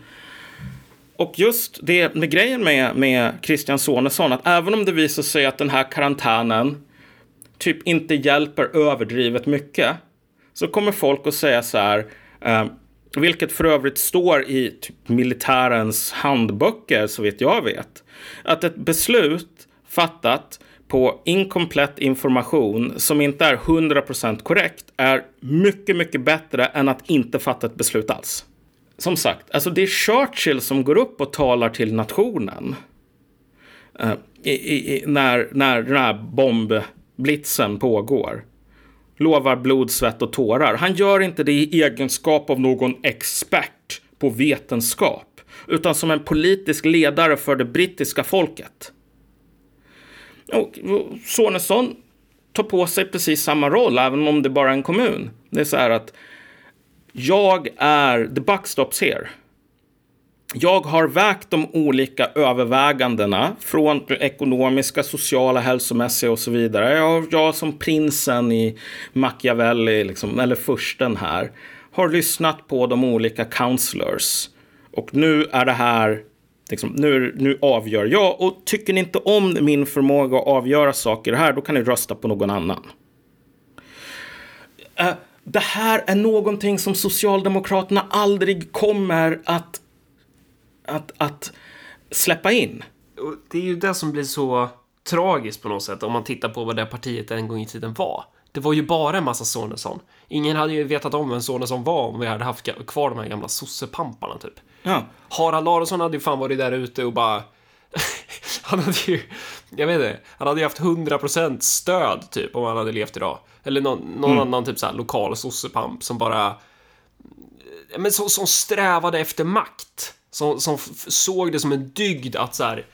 Det, jaga ansvar. Se till att det är du som tar initiativ. Se till att det är du som leder och se till att du är bäst på det. Ja, exakt. Alltså det, det, det, vad folk vill ha i slutändan om de ska kunna slå, slåss vid fronten, det är någon med en jävla leadership-ara. Um, och och den stora grejen med hela det här det västerländska systemet just nu överlag är att alla dessa liberaler vill försöka dekonstruera. Vadå ledarskap? Är vi inte bara atomer som håller på och nyttomaximerar? Hur vågar du säga att Ygeman är en landsförrädare? Mm, precis. Hur, vadå, vadå, vadå land? Vadå nation? Ja. Vadå kollektiv? Ja. Vill ni ha det som i Sovjet eller? Och grejen är att svaret på den frågan kommer typ bli ja om vi hamnar i en situation som blir mycket värre. Då kommer folk på mm. riktigt börja säga ja, det hade fan varit mer nice om vi hade fått typ Tjernobyl och Sovjetunionen än de här jävla idioterna vi har nu. Fast det är ju mm. tag kvar dit. Men det, alltså uteslut inte det här scenariot. Nej men alltså, nej men precis. Därför att folk kommer att dö i onödan i det här landet. Ja. Och de kommer att dö dels på grund av att vi inte hade lager. Och för att vi hade myndigheter som höll på att ljuga och ljuga och ljuga och, och politiker som vägrade att göra sitt jobb. Inte att typ kunna allting om virologi, utan att vara politiker, ledare. Uh, de kommer att dö. De kanske kommer att dö i tusental. Eller tiotusental. Och efter allt det här är över, vet du vad vi kommer att ha då? Då kommer vi dels att ha en annan sån här kris som politikerna inte har tagit ansvar för, vilket är en ekonomisk kris på kommunal nivå. Plus här potentiella knock-on-effekter, alltså Etiska. etniska konflikter. Ja. Plus en global depression. Mm. Och eftersom Uh, vad såna här Ygeman-typer, vad dessa jävla sosseförrädare kommer att säga sen är bara Vill du ha en glasspinne? Vill du ha en, en back med uh, Mariestads Elkbrew eller någonting sådant? Vill du ha gratis sprit? Vi fixar vad som helst. Om du svarar bara nej, vet du vad? Det är inte därför som jag väljer en politiker för att jag ska få en glasspinne eller 500 spänn extra i glasögonbidrag. Jag skulle vilja ha en politiker som gör sitt jävla jobb och tar ansvar för nationen. Då bara nej, men det, det, det vi har slut på dem. Det, exakt, så var det ju, exakt så var det i Mali, för övrigt. Ehm, Mm. Utanför vallokalerna då. Här, det är ju totalt jävla valfusk i det här landet. Så här, döda återuppstår och de röstar alltid på den sittande presi- presidenten. Utanför varenda jävla vallokal så står då det här största partiet, Adema. Eh, deras eh, valarbetare står ju och så här, trycker rispåsar i, i händerna på fattiga människor och så säger de Adema, Adema. Det är klart man röstar på, på dem då. Man får ju mat. Jo, men precis. Men det är ju bara helt absurt därför att i slutändan, vi kommer att ha exakt samma grej i de nästkommande faserna när den här epidemin är över och, och, och um, knock-on-effekterna börjar. Det kommer vara så här, ah, vet du vad, det är inte vårt jobb att typ fixa så att det finns poliser. Det är Reinfeldts fel, det är Timbros fel, säger sossarna. Rösta på oss i hundra år till så att vi kan säga, ja men vet du vad, för hundra år sedan då var det en kille som hette Reinfeldt och det, det är därför som vi skär ner skatten. Men det är inte vårt fel, för det var Reinfeldt som gjorde det liksom. Mm. Men om du röstar på oss i hundra år till, då kanske vi kan övervinna den här mind control som Reinfeldt utövar efter, över politiken fortfarande. När vi får allt det här, det ska fixas poliser, det ska fixas rutiner för att se till så att äh, folk har mat i ett läge där vi har en global depression. Ja, men då om du står där och svälter ihjäl, då kommer Löfven och säga, men vet du vad, prata med den här experten på Livsmedelsverket, för jag är bara Stefan Löfven, eller jag är bara Magdalena Andersson. Och jag är som rådjuret Bambi. Du vet, oskyldig, nyfödd in i världen. Nej, det är experten på Livsmedelsverket som vet allting om kalorier. Prata med den. Och där kan man ju också säga just gällande experter. Vad har man gjort med personer som har varit sjukt kompetenta i offentlig sektor? Ja, har de haft fel politiska åsikter? Har de... Men de blir ju utköpta. Exakt, man rensar ju ut dem.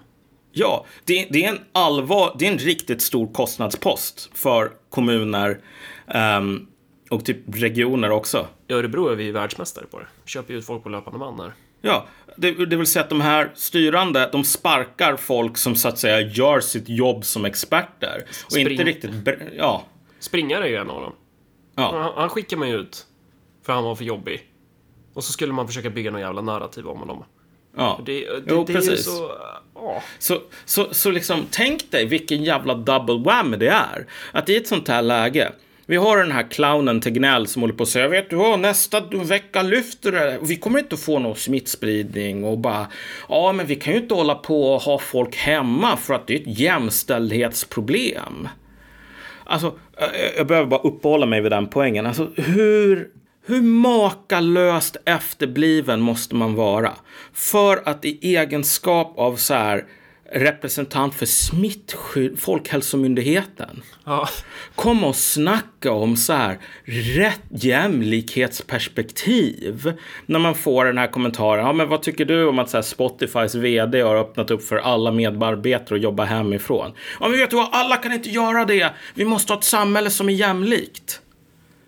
Det finns inte en enda person som jobbar som, jag vet inte vad, busschaufför eller sopgubbe eller i kassan på ICAn som skulle säga Ja, ah, för fan vad nice om den här Spotify-personen blir sjuk och tar upp en jävla respirator som jag behöver sen. Bara, för då kan jag ligga i korridoren och dö jämlikt. Det, det, det är så här, den här sortens jävla uttalanden, my god. Men han är ju där han är för att han är så jävla bekväm. De här idiotiska sakerna som man säger, det är bara någonting som gör att Löfven har en ännu mer effektiv rökridå att gömma sig bakom. Om det är så här att det visar sig att sossarna spelar typ 11-dimensionellt schack här och bara tillsatte gnäll för att de vet att det är en person som är, alltså, han kanske skulle vara inte en total katastrof under typ Göran Persson. Därför att Göran Persson skulle ju ha sagt så här, vet du vad Tegnell, nu håller du käften ett Ja, tag. fast, ja och, då, och då är ju det, man ska inte, man ska inte ge Persson cred här för det, här. det var ju han som satt under tsunamin också. Jo, jo, okej, okej, fine. Liksom. Den här mytologiska bilden som folk har, ungefär som typ folk säger, ja, ah, fy fan, vi måste tillbaka till DDR. Så att det kanske inte var helt en dans på rosor alltid i DDR. Nej, Visst, folk har börjat få så här nostalgi över Göran Persson. Men så här, under någon sådan äh, imaginär ledare så skulle Tegnell kanske inte vara en total katastrof. Därför att den här ledaren skulle säga, vet du vad, nu talar du om saker som du inte har rätt att tala om Tegnell, håll käften. Då kanske han skulle funka lite bättre än idag. Men, men även om det visar sig att så här, sossarna, de är verkligen riktiga Machiavelli-typer här som har satt honom där för att de vet att han kommer att bli kvissling för 2000-talet och alla kommer att spotta på typ du vet, spela dart mot eh, ett porträtt på honom så här, ja. på varje pub i det här landet. Alltså det kommer ändå inte att funka för folk kommer fortfarande komma, den här rökridån, folk kommer fortfarande att se att bakom Tegnell så gömmer sig Löfven. Och hela det här sosseriet. Um, och jag menar, alltså, Moderaterna, att jag inte håller på och eh, klaga på dem här, det är för att så här, jag förväntar mig inte att så här, korgihundar ska bygga rymdraketer, så jag blir aldrig besviken på att vi inte har ett månprogram av korgihundar. Så här. Moderaterna är allt dekadensen som sossarna har, fast ännu värre. Ja, de är likadana. De sitter där i opposition, lägger armarna i kors, lutar sig tillbaka och säger Jag litar på marknaden. Marknaden ja, löser jo. det här. Jävla sopor. Jo, jo, men precis. Alltså det, är, det, det är då, människor... Förutom då Sonesson i och för sig. För han har vi gett mm. cred där. Han är ju fortfarande moderat. Men ja. Han är en av the good guys liksom. Men, men i, jämförelse med det partiet måste man väl säga. Men, men det är ju därför som han hatade också. Det är så sjukt. Anledningen till varför vi typ creddar honom är bara så här, vad är det han har gjort ens? Håller vi med honom i alla frågor? Nej, absolut inte. Men han har bara, han har gått ut och typ gett en order. Och vi bara, oh!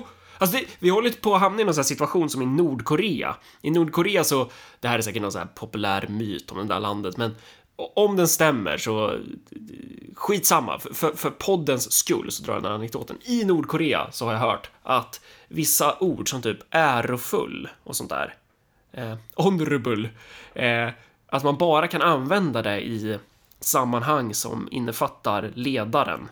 Mm. Så, att, så att man kan inte använda det ordet. Folk, koreaner som flyr därifrån eh, får lära sig att jaha, man kan använda det här ordet i fler kontexter än bara de som handlar om ledaren. Frågan är om vi så här kommer glömma bort typ innebörden av ordet ledarskap i Sverige. Mm. Att det kommer bli så främmande. Vi kommer inte liksom så här, vad ledars... Va? va? Vad är det? Att det kommer bli så... Det blir så ihåligt. Men just, just bristen på allt det här, alltså det här, det här är sån jävla smashläge för oss helvetes populister ju. Alltså det, mm. det är ju fan, det, det är ju perfekt jävla eh, Lebensraum som, som börjar öppna upp sig för oss ju. Mm. Att bara, bara steppa in där och, fast det är ju inte så bara, man behöver ju ha en del men jag är, det, det är ju en sån sak som stressar mig också. Att, så här, ja, men, att vi sitter här i en podd och pratar om så här, men man tar inte initiativ. Ja, men vad fan hindrar oss från att göra det då? För att de här jävla soporna kommer ju inte göra det. Nej, nej, men precis. Jo, men det är ju... Och det faller inte bara på oss, det faller på alla på något plan. Alltså, att göra sig av med den här... Jag menar, om, jag, om det fanns en knapp som man kunde trycka på, en stor röd knapp som gjorde att, ja, liksom den här, nu kommer inte tusentals människor kanske i värsta fall att dö i onödan på grund av den här dekadenta jävla fanflykts socialdemokratin. Jag skulle trycka på den oavsett så här personliga konsekvenser, bla bla bla. Det, det, det är bara rätt sak att göra. Men projektet att befria sig från de här människorna kommer, det måste ju vara kollektivt. Det kommer att vara upp till dig och mig och till oss alla egentligen. Därför att i en sån här epidemi, det finns inte så mycket man kan göra annat än att hålla god min i elakt spel och lyssna på de här jävla människorna som bara, ah, det här är inget problem alls och du, det här tar, det är bara att tvätta händerna.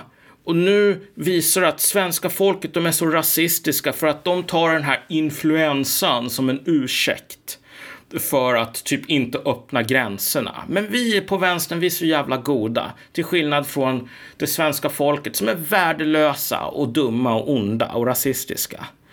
Alltså, man kan ju inte bara säga, ja men vet du vad, fuck you, nu tänker jag inte tvätta händerna. Du, det, så här, det, det, det, går inte, utan man får hålla god min i elakt spel. Men det man måste göra är att man måste minnas. Nej men precis, att vara den här goda lilla tennsoldaten. Som, mm. som eh, som gör sin plikt, tvättar händerna, inte nyser folk i ansiktet. Tugga med stängd mun. Har jag hört, ska vara bra. Förhindra... Precis, apropå ingenting liksom. Eh, och, och, och, allt annat som man behöver göra.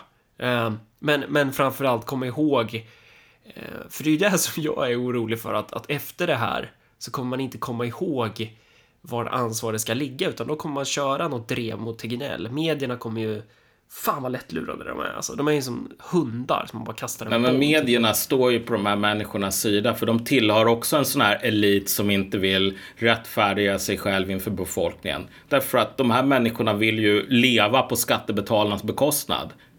Uh, antingen så gör de redan det eller så vill de göra det ännu mer. Så narrativet efteråt kommer ju vara Ja, då kommer man ju då kommer man försöka glömma det här och då är det ju viktigt att inte glömma det. Och även om det inte blir så allvarligt, även om vi kommer att ha fel här, även om vi kommer att ha åt helvete med fel, vilket jag hoppas att vi har. Mm. Skönare att leva med lite skam än att det ska bli det kaos som, som både du och jag tror att vi kommer hamna i. Um, även om vi har fel så ska man ju ändå komma ihåg för, för, för, just nu så blottar sig ju sårbarheten i Sverige och det är en sårbarhet som, som beror till stor del på den politiken som förs. Alltså, jag tror, jag tror att möjligheten att glömma det här. Alltså, den stora grejen med, med hela det här utbrottet till att börja med var ju att alla bara sa, nej vad fan. Ingenting kan hända. My God, har du inte läst Francis Fukuyama, Malcolm? Så här, historien tog slut 89. Så här. Uh, och även efter att Fukuyama själv sa, den tog inte slut, den har börjat igen. Uh, liksom, tro inte att ingenting kan hända.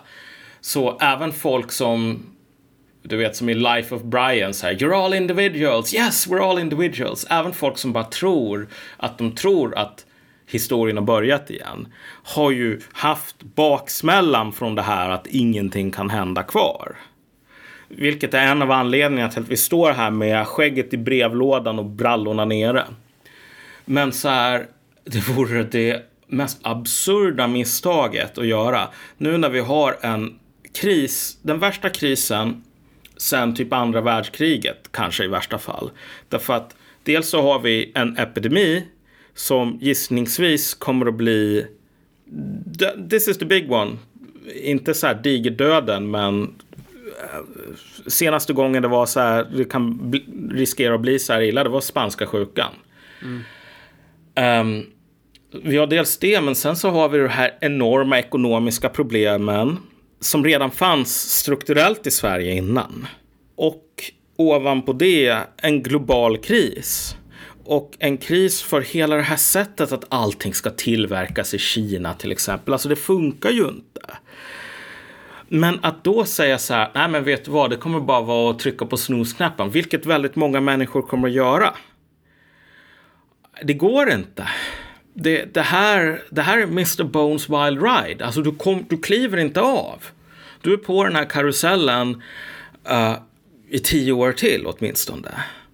Det kommer ju bli en politisk återkomst för staten och nationen. ja, och, och det här är det som gör sossarnas position här så omöjlig. För återigen, om du frågar dem så här. Det kommer vara, ja vet du vad? 20 000 nya poliser om två år. Bara rösta på oss. Uh, gratis glass till alla barn. Rösta på oss. Typ att någon som Morgan Johansson inte ska få ja, den här gräddfilen för att han är lojal till partiet. Eller att Ygeman kanske ska få typ ta personliga konsekvenser om man schabblar bort um, massor med hemligstämplad data till Ryssland. Nej, det är den enda saken som sossarna inte kan ge. Det vill säga generaler som befinner sig på slagfältet och gör sitt jävla jobb som generaler. Du kan få vad du vill i världen, en ny Xbox, inte för att det kommer att finnas budget till det. Du kan få löftet om en ny Xbox. Eller löftet om glasögonbidrag eller typ tak över huvudet. Vilka löften som helst. Men, men, men. Nej, de här människorna kommer inte att ta ansvar. De kommer aldrig någonsin att sluta i en kris och säga, vet du vad, vi får inte göra det här för att lagen förhindrar oss. Och så är det en typ jävla lögn. För att de bara vill inte. De kommer aldrig att sluta säga, vet du vad, det är regionernas ansvar. Och sen så kommer regionerna och säger ja men det här är statens ansvar. Ah, nej, det är kommunernas ansvar. Det är vem som helst. Det, det, det är typ spöket av Arvid Lindmans ansvar att det är så här. Det är i där då som det blir sån Lebensraum. För rätt som den när någon dyker upp då och bara säger jag kan ta ansvar. Ja. Det är då det... Ja. Vi måste komma dit nu. Mm. Måste... Men fan, eh, känner vi oss nöjda med, med det här? Eh, Ja, vi kommer väl att prata mer om det här. Ja, ja, ja. Det, I- i- Nu kanske, vi ska ju absolut inte lova fler avsnitt nu, för vi håller ju inte ett i veckan. Och det, det är mycket att göra kan vi säga. Nu kanske, nu kanske hela jävla samhället går in i en karantän. Ja, precis. Jo, det, det är ju... Det är ju... Det är typ någon vecka bort liksom. Så... Eventuellt. Ja, eller... Såvida, såvida inte Anders, eller vad heter han? Tegnell. Såvida inte hans bevingande ord står sig om att vi tjänar inget till. Gå in i karantän. Jo, jo, men precis. Det kan vara så att hans blixtrande expertkunskap och så här Nostradamus gåvor ehm, de, verkligen kommer through som Gandalf vid Helm's Deep, whatever. Man ska inte underskatta sin egen förmåga att ha... Eh, eller hur blir det? Ja, vi- man, vi kan också ha fel. Det är det jag vill säga. Att vi kan ju också ha fel. Mm. Och- Jo, men jag precis. Fundera på vad det är som... För om vi skulle ha fel nu, då, då skulle det innebära att coronaviruset är inte så farligt som vi menar att det är. Eh, att världsekonomin kommer klara sig undan det. Mm. Att det, kommer, att det kommer repa sig ganska snart. Att beredskapslagren inte är tomma. Eh, att... Eh, vad finns det mer då? Att de här personerna kommer visa ledarskap och att folkets förtroende för dem kommer förbli intakt. Jag hoppas verkligen att alla de sakerna kommer att hända därför att alternativet här Alternativet är mer eller mindre um, rent den här fysiska påverkan från viruset på människor, att det är massor med människor som dör. Och sen som en knock-on effekt, att vården slutar fungera så att folk dör i typ hjärtstillestånd och sådana saker som de skulle ha överlevt för två månader sedan. Vilket leder till massor med onödiga dödsfall även där. Sen ovanpå det så får du den här att, att, att frontlinjen här i kriget mot basillerna den bara bucklar och bara viker sig. Vilket gör att um, det blir bara social panik. Och uh, institutionerna klappar ihop vilket leder till ytterligare dödsfall och ytterligare lidande som skulle kunna undvikas. Och jag menar, det, det känns jävligt Jurassic Park över det här därför att du vet den här scenen i början där de kollar på den här stormen.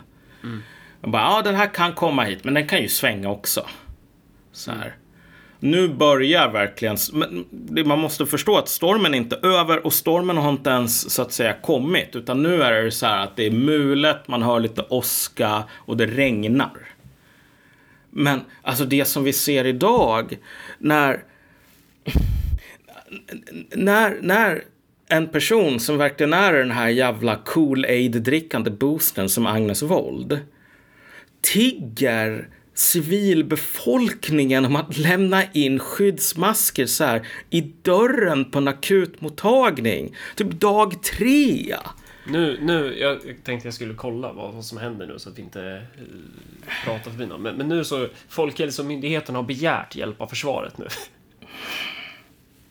Alltså, det, det, det, det, det, det är så här, en av de sakerna som jag tror jag använder som ofelbar temperaturmätare här. Det är liksom, vad händer med de absolut galnaste, mest labila apparatchiks? När de börjar, när de börjar fly fältet också och inte längre har partidisciplin, då är det jävligt allvarligt. Och så här, nu, nu, nu såg jag typ Torbjörn Järlerup som har något sånt där jihad mot mig för att jag är, jag är hemsk fascist. Ja. Va? va? Är du, men, men, men mig hatar de väl för att jag är ond Ja, kommunist? Jo, Eller- jo, men precis. Jo, jo men jag, alltså, det är roligt för att så här, å ena sidan är jag en dum fascist, men å andra sidan är det så här, hur kan ni låta på GP ha en sån här radikal, människoätande kommunist som vill skicka alla till Gulag så här. Det, hur kan ni, eh, typ, Oikos låta den här personen, han vill ju avrätta alla för att han är kommunist så här. Så det är verkligen, Anledningen är att det är en sak att vara Nazi-Tyskland och en sak att vara Sovjetunionen. Men att vara hela Molotov-Ribbentrop-pakten, det är fan, det är någonting. Ja, jo, jo, jo men precis. Och, och, och, poängen här faktiskt var inte att liksom snacka skit om Torbjörn Järlerup, Utan, eller liksom dissa honom eller något sånt där. Utan mer bara att det här är en person som i min värld, och det är kanske bara ett begränsat perspektiv, men, men, men i min värld så är Järlerup the gold standard av en, eh, en apparatchik som är så här väldigt bara weird, off. Så.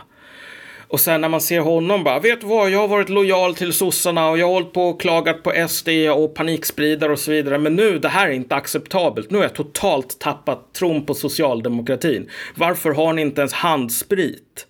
Liksom, har ni inte ens planerat för det i Stockholm? Handsprit. Så här, nej, nu, nu, nu, nu kan inte jag vara en, en, en lojal pitbull som attackerar partiets fiende längre. Alltså, när, det här är dag tre. Det, det, det, det, finns ett par månader kvar av den här skiten. Och du har redan förlorat Järlerup. Precis, Järlerup har fallit. Ja, alltså, det, det, du ska inte förlora Järlerup om du är sosse. Eh, den första veckan, sorry. Alltså, då är någonting så jävla fel. Um, så, och du ska inte förlora Agnes våld heller. De här människorna, de skulle kanske förlora en månad in, två månader in. Då vet du att du är on pace. Ska vi Men som sagt, nu, eller? ja, ta hand om er lyssnare och tvätta händerna och isolera er själva i mån av tid. Och som sagt, äh, nu är det dags att vara goda tennsoldater och göra det jobbet för fosterland som våra så kallade experter och eliter vägrar att göra. Efter det så kommer fan räkenskapens timmar när den här skiten är över.